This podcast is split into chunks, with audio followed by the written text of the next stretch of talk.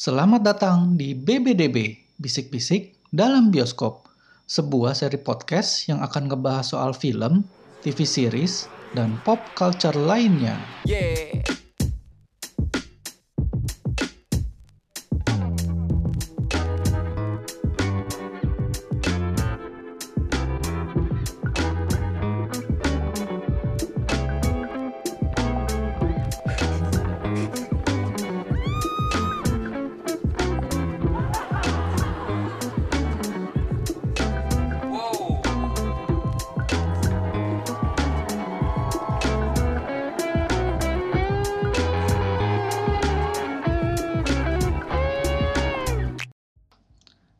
Balik lagi di Bisik-Bisik dalam Bioskop bersama gue, Rio yang akan menjadi host kalian. Nah, di episode kali ini gue bakal ngebahas soal series Netflix. Pasti buat para penggemar Netflix di mana pun nih udah happy banget nih. Wah, kayaknya bakal ngebahas soal drama Korea kayak Itaewon Class, atau ngebahas soal series Hollywood yang model kayak The Witcher, Stranger Things, Narcos.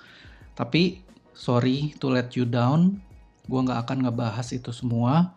Gue akan ngebahas satu series yang baru, yang sempat heboh juga di dunia maya. Dan series ini bukan dari Korea, bukan dari China, atau bukan dari Hollywood. Tapi series ini dari Belgia. Nah, makin penasaran kan? Udah gitu, series ini tuh temanya tentang post-apokaliptik. Judulnya adalah Into the Night. Sebelum kita ulik abis-abisan, mendingan kita dengerin dulu aja ya trailernya.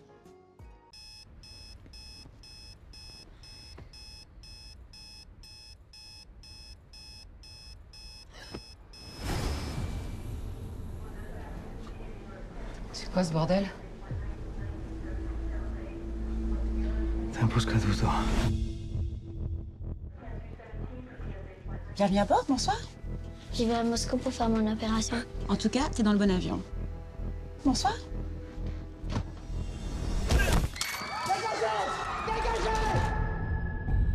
Qu'est-ce qui se passe?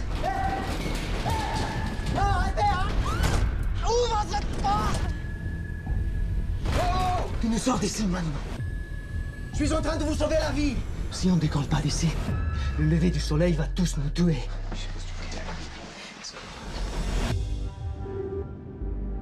Putain, dites-nous ce qui se passe là Les gens qu'on a laissés à Bruxelles, ils sont en danger? Gardez votre calme. Je vous promets qu'on va trouver une solution. Il faut juste qu'on garde toujours le cap vers l'ouest. Ici, le Le prochain aéroport est au nord de l'Écosse. Le soleil se lève dans deux heures. C'est-à-dire qu'on n'a plus une seconde à perdre.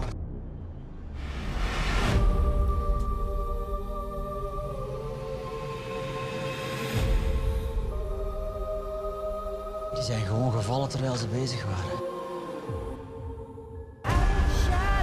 On est d'accord que si on doit travailler ensemble, J'en ai assez de t'entendre. Je n'ai même pas encore commencé. il faut qu'on qu'on se fasse confiance. Tu te mensonge, ok Combien de temps ça va durer, tu crois encore on, on calcule mal le carburant. On est mort. On perd un moteur, on est mort.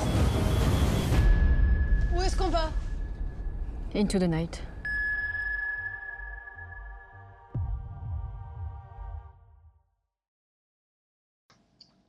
Tuh, udah denger kan trailernya? Gue yakin pasti pada bingung sama bahasanya. Ngomong apa ini? Gue aja waktu bilang ini dari Belgia, gue cukup kaget sih karena Belgia baru pertama kali nih eh, bikin series di Netflix. Dan kayaknya sih cukup berhasil ya, karena banyak yang suka, ya termasuk gue juga suka banget sih. Buat yang belum tahu atau yang fans banget sama Netflix atau fans sama series post apokaliptik yang kayak Walking Dead bisa banget nih dijadiin binge watching gitu karena episodenya juga nggak terlalu banyak. Nah, sekarang yuk kita bahas aja nih tentang apa sih Into the Night. Jadi, Into the Night ini adalah sebuah series dari Belgia yang diproduce sama Jason George. Jason George itu kalau pada nonton Narcos pasti tahu lah ya, dia produser di Narcos, dia juga sempat ngeproduserin film Vice yang dibintangin Christian Bale.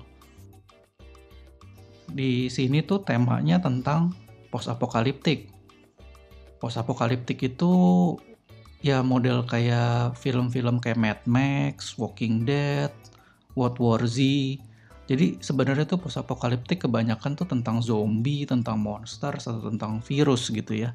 Cuma yang membedakan Into the Night dari series-series yang lain, series ini nih nggak ada tentang virus atau monster atau zombie atau alien, tapi tentang matahari. Jadi diceritain matahari itu sinarnya ya, sinar matahari itu bisa ngebunuh kalian. Terus uh, tiba-tiba tuh ada seorang tentara NATO dari Italia gitu, dia ngebajak satu pesawat dan nyuruh pesawat ini serta seluruh penumpangnya tuh terbang ke arah barat. Jadi terbang ngehindarin matahari terbit. Nah otomatis kan kejadiannya tuh selalu malam terus kan gitu dan selain malam terus nggak pernah siang atau pagi dan tegangnya lagi mereka dikejar-kejar dengan waktu karena mereka harus menghindari sinar matahari. Jadi nggak boleh kena tuh yang namanya sinar matahari pagi, berjemur di uh, sinar matahari siang, atau kalau sekarang kan lagi lumayan ngetren berjemur di jam 10 siang gitu. Nah itu udah nggak boleh karena ujung-ujungnya bisa bikin lu mati. Nah jadi menarik banget nih pas gue baca artikelnya kayaknya beda banget ya sama series-series yang lain gitu loh. Kalau series-series di Korea kan ceritanya tentang drama, tentang action. Sedangkan kalau series di Amerika kan biasanya tentang superhero, tentang monster, tentang fantasi gitu kan. Nah kali ini nih gue pengen tahu series dari Belgia tuh kayak apa gitu karena rasa keingintahuan gue dan juga sempat heboh di Twitter begitu banyak yang nge-review katanya bilang ini bagus, ini seru, ini tegang banget. Akhirnya gue nonton lah, gue buka Netflix gue, gue cari Into the Night. Nah pas gue lihat tuh episodenya nggak terlalu banyak, jadi series ini cukup singkat ya. Dan light banget sih menurut gue, entertaining banget dan nggak perlu mikir atau nggak perlu ada filosofi-filosofi tapi yang ada tuh memang kita disajikan dengan ketegangan-ketegangan di setiap episodenya. Dan itu yang membuat Into the Night tuh makin seru gitu loh buat dinonton rame-rame buat di nonton sendirian juga nggak apa-apa sih. Apalagi lagi masa-masa kayak begini kan lu juga semua pada di rumah. Nah mendingan maratonin aja nih karena durasinya juga per episode tuh nggak terlalu lama, nggak nyampe satu jam gitu, kira-kira 40 sampai 50 menit. Sekarang kita mulai ngebahas nih. Kita coba lanjut ke storyline-nya dan plot line-nya. Kalau menurut gue, secara story dan plot line-nya tuh cukup cepet ya. Maksudnya pacing-nya tuh cepet banget gitu loh. Gue pas nonton tuh dibombardir gitu. Jadi setiap episode tuh kayak ada satu masalah terus masalah lagi. Per episode tuh masalahnya beda-beda. Terus belum masalah dari luar. Kan ya mereka dikejar-kejar sama sinar matahari yang bisa yang bisa bikin mati. Terus selain dari masalah dari luar mereka juga punya masalah internal yang ada di dalam pesawat itu semuanya. Terus selain masalah orang-orang yang di dalam pesawat terus ada lagi masalah pesawatnya sendiri. Jadi setiap hari itu setiap jam pasti ada aja tuh masalah. Dan yang serunya adalah ngelihat respon dari setiap karakter-karakter yang ada di dalam pesawat ini. Kalau gue bilang sih mirip banget sama situasi kita sekarang gitu loh. Kita juga masih PSBB, masih social distancing, masih physical distancing. Uh, ngebayangin kalau ini kan masih virus ya kalau di kita gitu. Seandainya kalau sinar matahari itu gimana ya? Wah pasti semua orang pak bakal nyari bunker itu bakal nyari ruang bawah tanah supaya matahari nggak bisa masuk.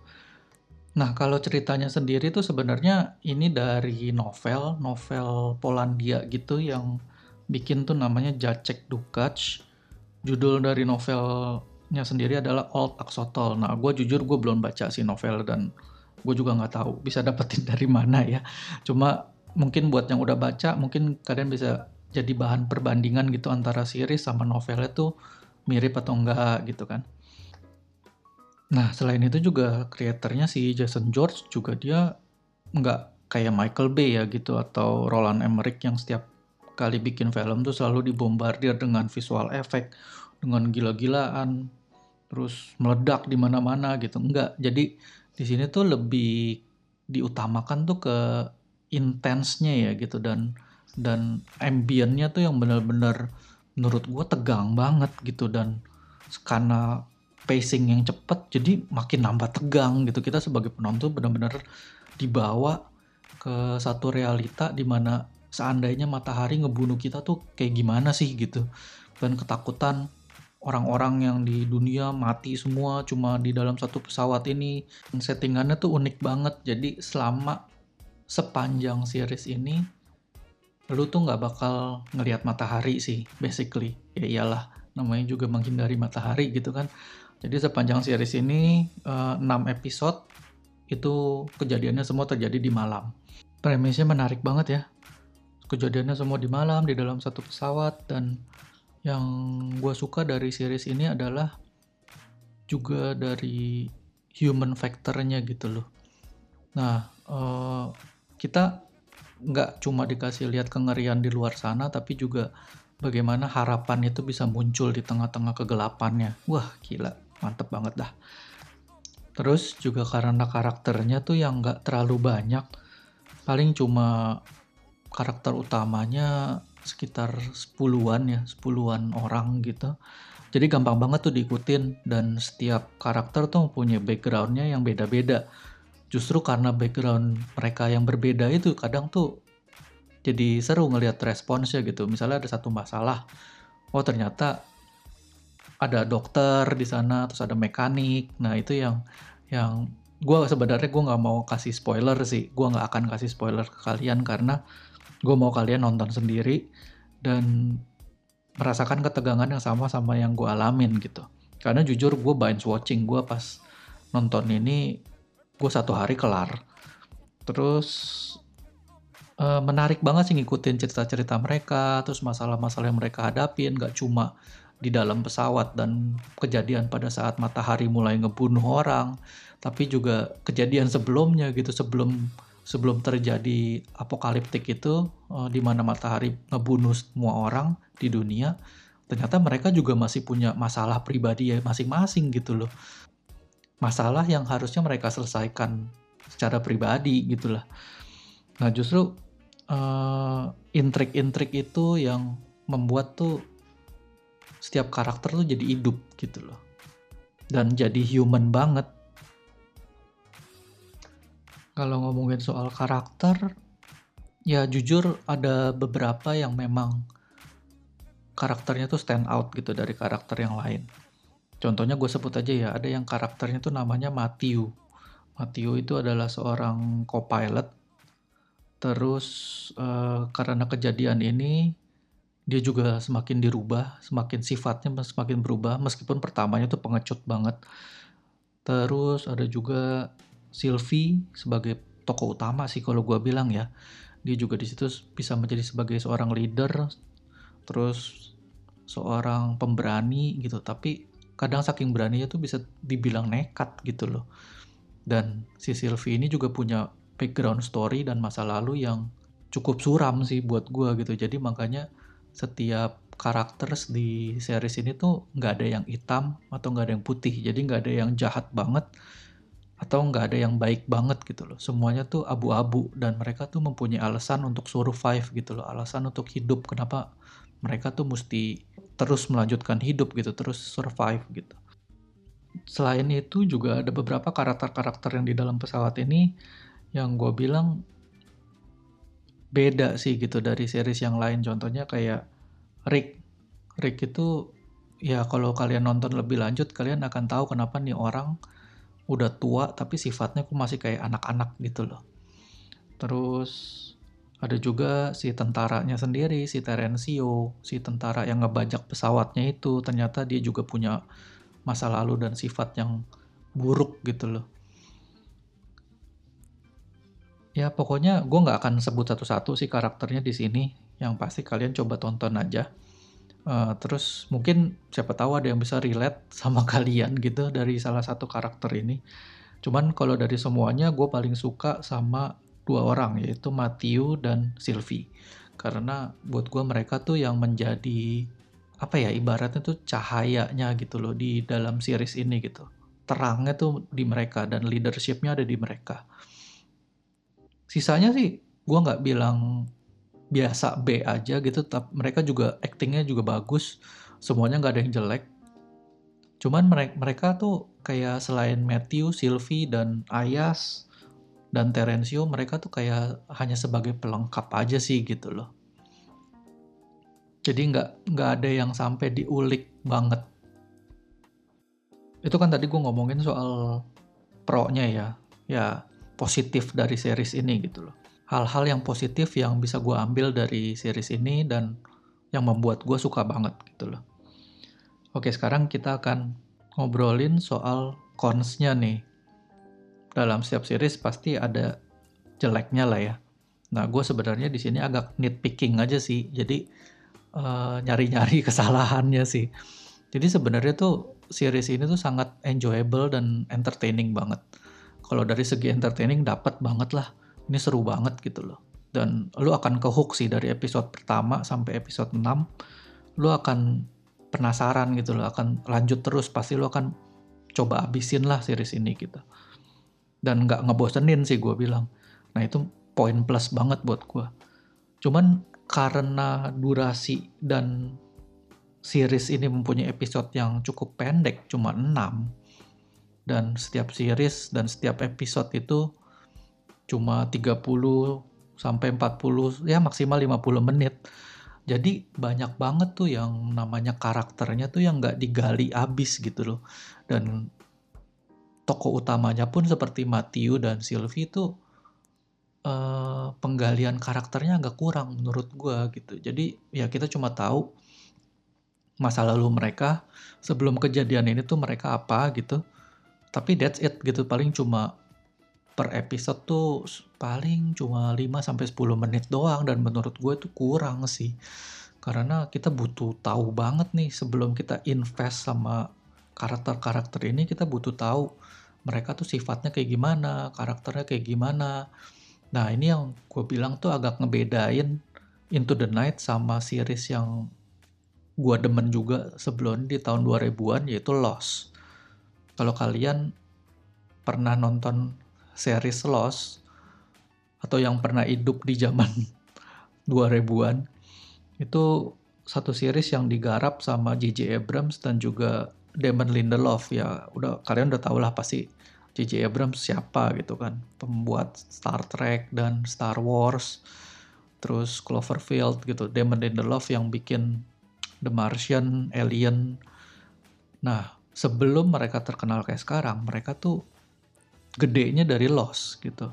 Nah Lost itu gue sedikit kasih tahu aja ya cerita tentang uh, satu pesawat yang jatuh di satu pulau dan mereka harus survive di pulau itu. Dan ternyata di pulau itu tuh ada banyak banget kejadian lah. Seperti tiba-tiba muncul monster monster asap gitu. Terus ada kejadian misteri-misteri gitu. Nah mereka jadi bertanya-tanya ini sebenarnya mereka ada di mana? gitu. Nah sepanjang 6 season di Lost itu benar-benar digodok banget tuh setiap orang yang survive di dalam pulau itu. Tokoh-tokohnya tuh digali banget gitu loh karakternya gitu. Jadi mereka punya background masa lalu yang yang bagus banget untuk diikutin gitu. Sedangkan kalau di Into the Night itu terlalu cepet menurut gue. Jadi uh, apa ya gue gue nggak bilang ini jelek gitu. Tetap memang oke okay, tapi kurang digali aja. Sebenarnya kalau mereka gali deh lebih lagi atau menurut gue sih durasinya sih bisa dilamain gitu. Mungkin satu jam orang juga masih oke okay gitu dengan durasi seperti itu. Mungkin masih bisa kita pelajari nih karakter-karakternya bakal kayak gimana. Bahkan dalam 6 episode itu yang notabene judulnya aja pakai nama-nama karakternya itu nggak semua karakter dibahas. Jadi kira-kira hanya 6 karakter doang yang dibahas masa lalunya ya menurut gue kurang banget sih gitu loh karena di dalam pesawatnya sendiri aja ada belasan gitu. Ya gue tahu sih ini masih season 1 gitu dan bakal ada season 2 nya tapi gue sih berharap semoga series ini di season-season yang ke depan lebih digali lagi secara karakternya, secara human factornya. Karena itu yang justru membuat series ini makin menarik gitu loh, makin enak untuk ditonton. Terus juga gara-gara karakternya yang nggak digali, itu menurut gue banyak hal-hal yang terlalu shallow sih gitu loh. Shallow tuh dalam arti dangkal banget per episode itu pasti selalu ada masalah dan lucunya tuh masalah yang ada di setiap episode diselesaikan dalam satu episode itu juga jadi um, jadi apa ya uh, nggak ada kesempatan waktu untuk bernafas sih menurut gue gitu. Kayaknya bener-bener cepet-cepet banget gitu. Tiba-tiba karena ada satu masalah cuma contohnya aja misalnya dalam satu episode mereka ada masalah dengan pesawatnya gitu. Nah terus dalam ending episode itu ya udah terselesaikan. Jadi udah selesai masalahnya. Nah itu cepet banget sih karena nggak segampang itu untuk menyelesaikan satu masalah gitu loh. Pasti ada elemen-elemen yang yang harusnya lebih diulik lagi lebih dicari lagi gitu loh. Penyelesaian yang nggak segampang itu. Jadi menurut gue tuh banyak yang masalah-masalah yang sebenarnya bagus banget dan seru banget untuk diikutin. Cuma jadinya tuh terlalu cepet aja gitu menurut gue.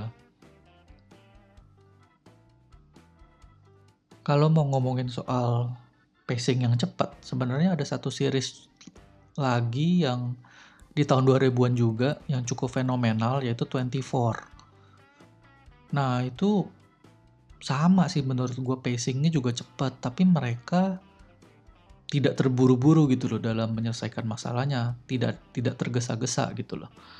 Jadi dalam satu episode itu kan hitungannya satu jam selama 24 itu kan. Jadi total satu season tuh ada 24 episode. Karena setiap episode mewakilkan satu jam. Tapi dalam satu jam itu banyak intrik-intrik dan masalah-masalah yang masih berlanjut tuh di jam-jam berikutnya lah gitu di episode-episode berikutnya. Jadi nggak langsung dihabisin di dalam satu episode. Nah justru ini yang membuat gue makin ke hook gitu sama 24 dan Lost. Kalau di sini lama-lama tuh formulaik sih. Gue ngerasa tuh di setiap episode itu jadi formulanya aja gitu formulanya ya pokoknya uh, diawali dengan background salah satu karakter terus muncul masalah baru terus mereka bingung mereka panik wah gimana nih gimana nih? gitu. Mati deh semua gitu. Terus uh, mereka rembukan bareng. Terus habis itu ada keputusan eh tiba-tiba ada satu hal yang berkhianat lah ntar ada yang nggak seneng sama orang inilah. Terus nyusahin masalahnya makin tambah susah makin tambah ribet makin tambah rumit gitu. Tapi di endingnya udah masalahnya terpecahkan gitu. Entah itu pukul-pukulan entah itu ya apa pun lah gitu. Pokoknya pasti pasti selesai. Nah, terus ntar lanjut lagi tuh di episode berikutnya masalah baru lagi kisah masa lalunya salah satu karakter. Ya begitulah berulang-ulang dalam 6 episode itu ya gue sih pengen banget di season 2 tuh jadi lebih dinamis aja sih dalam uh, episode per episodenya itu supaya orang juga pas nonton ya ini kan sama aja sama episode yang sebelumnya gitu. Jadi kesannya kayak nggak ada yang baru gitu. Gue harap sih di season berikutnya si kreatornya nih Jason George ini bisa ngasih gebrakan baru lah gitu atau twist-twist baru. Jadi nggak nggak terlalu ketebak menurut gue gitu loh. Kesannya kok gue jadi ini banget ya nitpicking banget gitu sama series ini. Tapi gue suka sih karena series itu tuh punya premis yang beda premis yang asik gitu loh yang enak buat diikutin. Terus juga seru acting actingnya juga bagus.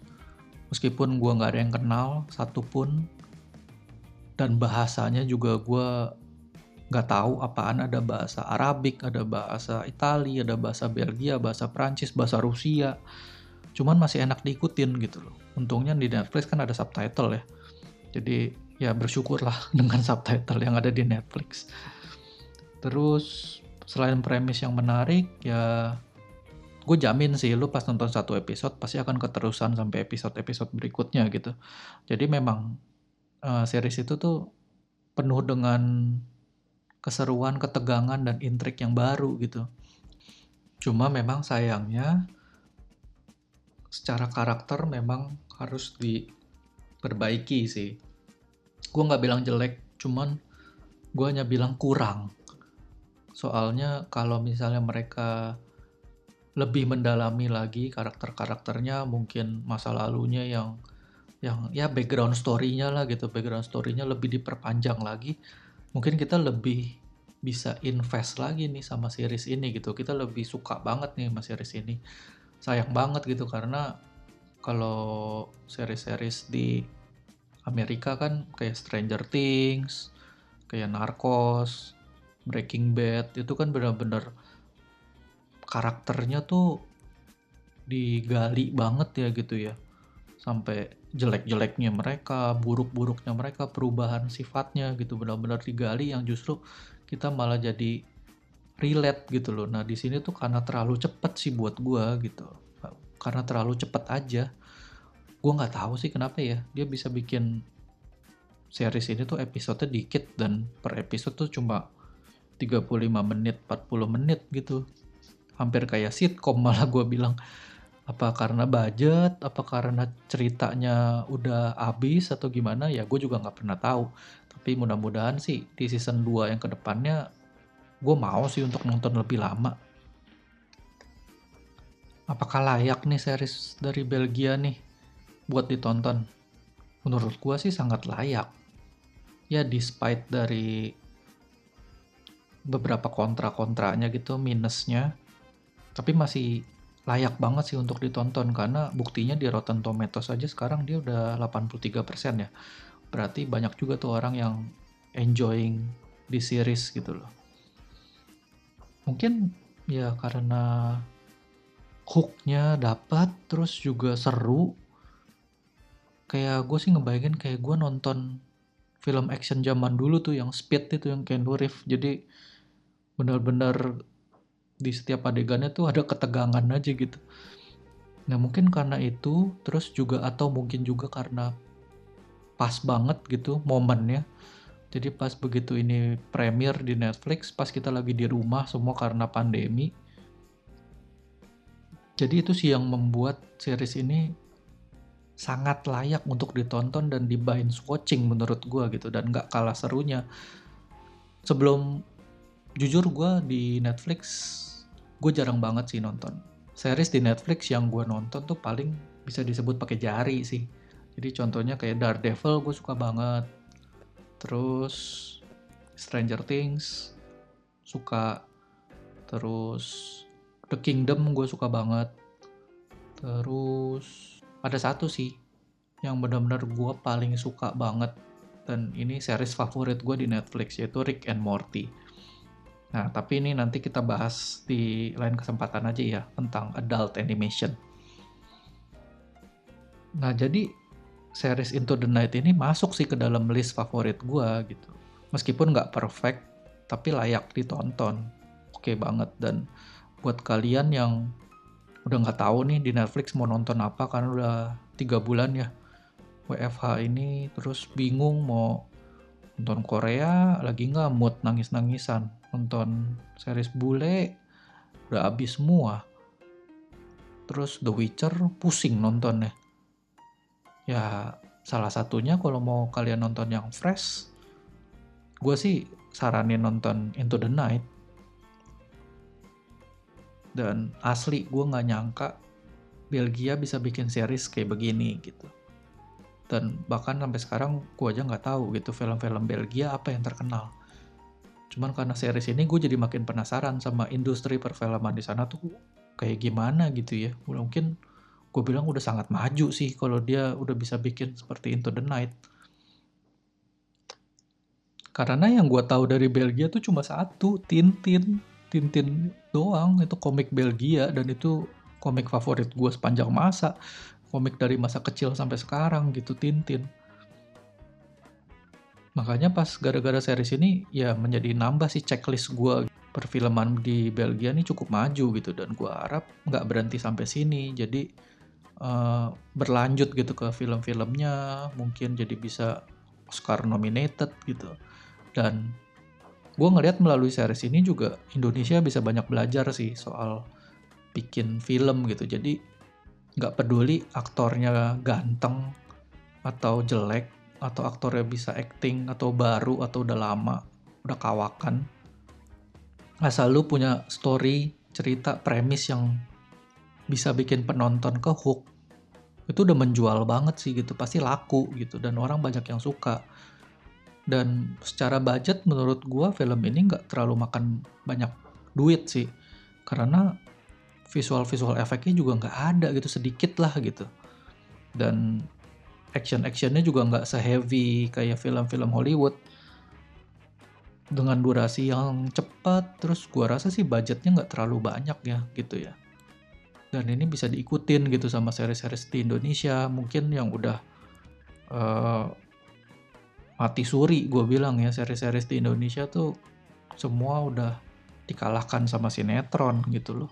Apa series Indonesia yang bagus gitu ya gue sih pengen. Suatu saat gue ngelihat ada Indonesia tuh punya satu series yang bisa dibanggakan gitu loh. Dan temanya nggak cinta-cintaan doang ya. Temanya bisa aja post apokaliptik bisa tentang zombie atau apa monster. Jadi nggak cuma horor setan bacok-bacokan atau cinta-cintaan gitu. Jadi lebih variasi dan dan jujur di Indonesia butuh banget sih karena kebanyakan orang kan masih nonton di televisi ya.